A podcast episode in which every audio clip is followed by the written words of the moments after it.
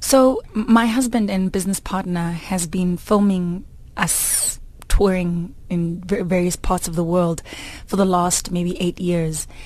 And so we have all this footage and we were just like, what do we do with it? And then we decided when we had our first American tour, when I was launching my first physical release in America, we took cameras along and we filmed the whole thing and then we started editing it and it was just like such a beautiful story whereas with other stuff it was just like random things that had no cohesive story so this time we had one full story to tell and we thought and he in particular said well it's looking really good um, should we try and see if we can get it on tv and I personally am not a fan of reality TV at all. but where I saw value in this is that firstly, it really isn't like your typical uh, reality TV. It is very positive. It is the telling of a story of someone, myself, carving out a career in, in other parts of the world. So the struggles, the difficulty, the actual work I have to do, you know, like ironing my own clothes, doing my own makeup. It's not really that glamorous, but I thought it was really important to share with anyone who might look to my journey um, as in, for inspiration, for instance. So when I watch back at it, it really just makes me feel so good. It, it really is everything I'm about. It really is about a positive portrayal of, of someone just pursuing one's dream. So if you had to sum up the the angle of the documentary, because you said it was uh, not random, but you and your husband just started filming it, and then you mm-hmm. decided, okay, we're going to make it more official. What was then decided on the angle of this? Okay, so the first one was just telling the story of me touring in the United States. So you see me doing the interviews, you see, you know, obviously here I'm quite popular and I can sell out arenas here, but there I have to start from scratch. So the humility around that and just the, the, the reality of building a career in a brand new market where nobody knows you, I thought that was something of great value. And I didn't mind that. I didn't mind that I wasn't such a superstar there. Although in some places, you know, we were treated like they called us the Beyonce of Africa. so, but I, I really saw great value in that. So that was the angle just to give us a platform to tell the story and I've written a book called Making Her Story. And in there I detail how I created my career. And, and the biggest difference I think between me and other artists, for instance, is just my mindset. Just changing my mindset, aligning my mindset to to success really i think was such a key thing most musicians we just try out our luck but in our mind we already think we sabotage ourselves in our mentality and so just to highlight all of those different things and so the tv series allowed us to expand on this a little bit more so now season two focuses on the making of the Born Free album, which is my sixth studio album. It is my first independent release and it was my first global release mm. of an album.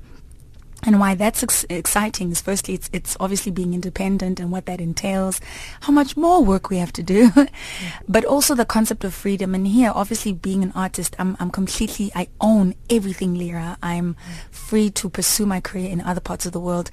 And the reason I decided to go independent was because I really wasn't getting enough support from my record label.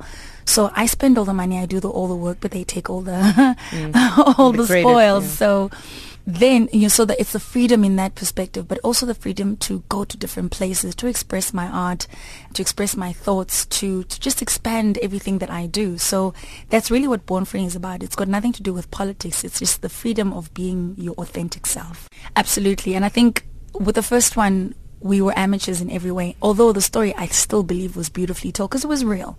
So this time around, I think we've improved our, our, our storytelling. It was more structured. Obviously, we, we, we discussed the making of the album and I think any artist, it's lovely to be able to share with one's fans the process of songwriting. And, you know, after doing the voice and just being exposed in, in, in places like that, it was it felt like a great time to to go there to explain how I write music you know how do you write a hit record how do you write music that that relates to other people in the world and and it's a concept album as well because the whole album is about the, the idea of freedom. Mm. So just some of the challenges in the creative process and then going out into the world and seeing how people respond to the music and of course sparking the conversation about freedom as well. So it was amazing. So in comparison, I, I really think the second series is much better. Now we have to outdo ourselves. Mm. Stress. You're talking about outdoing yourselves and having a little bit more experience when it comes to the filming mm. and the production side do you feel that sometimes you had to perform or were you able to actually be Lira, uh, be in the moment, be in the process, get emotional, get frustrated, and just be yourself. Absolutely. You see, for me, that's what's important. It, it, really is so important to be authentic. So the storytelling is just in terms of what do you what do you tell? How, how do you make a, a story that makes sense to the viewer? But it's completely real. Um, it's it's yeah, it's it's very real. It's very authentic. And like I say, you see me in the most unglamorous of ways, and, and I've made peace with that. I'm like I'm human. You know, you can't always look perfect. That's unrealistic. So there's there's absolutely no acting. We're just telling the story, and I think what I appreciate more about the series more than anything, and I think obviously the platform that I'm able to share it on because it airs in 40 countries along around Africa.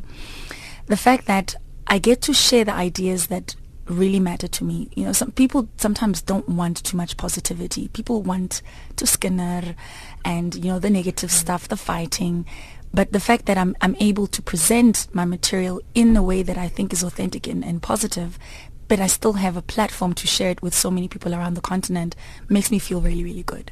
They call you the Beyonce of Africa, being that I don't want to use the word exposed, but being that vulnerable. Mm is that something that concerned you? And when you look back, when you sit in front of the TV and you go, yo, you know, as a superstar, as an yeah. uh, as as a performer, as a singer, as as an icon, you want to put your best foot forward. You want to look the best. You want to sound true. the best. And yes. now people are seeing you the way only the closest people to you actually get to see you. Yes, that was difficult. That really was difficult. And the only way I was able to wrap my head around it is that I find it easier to be real perfection is hard work. It's it feels like it's it's unattainable, unrealistic. Interestingly, Beyonce herself, I think, is sick of, of, of, of trying to be perfect all the time. She she seeks just to be human, and that's the most delicious thing you could do in this lifetime, I think. So I'm okay with being ordinary. Um, it's only when, and I think also specifically in America, there's so much pressure to be perfect there is a lot of pressure there. So there it was even more difficult. But as an African, I think it's of value to be human. Mm. People need that. It, it still helps the average person out there feel like their dreams are a little bit more attainable, that they are worthy of achieving greatness, even if they stay in a shack right now.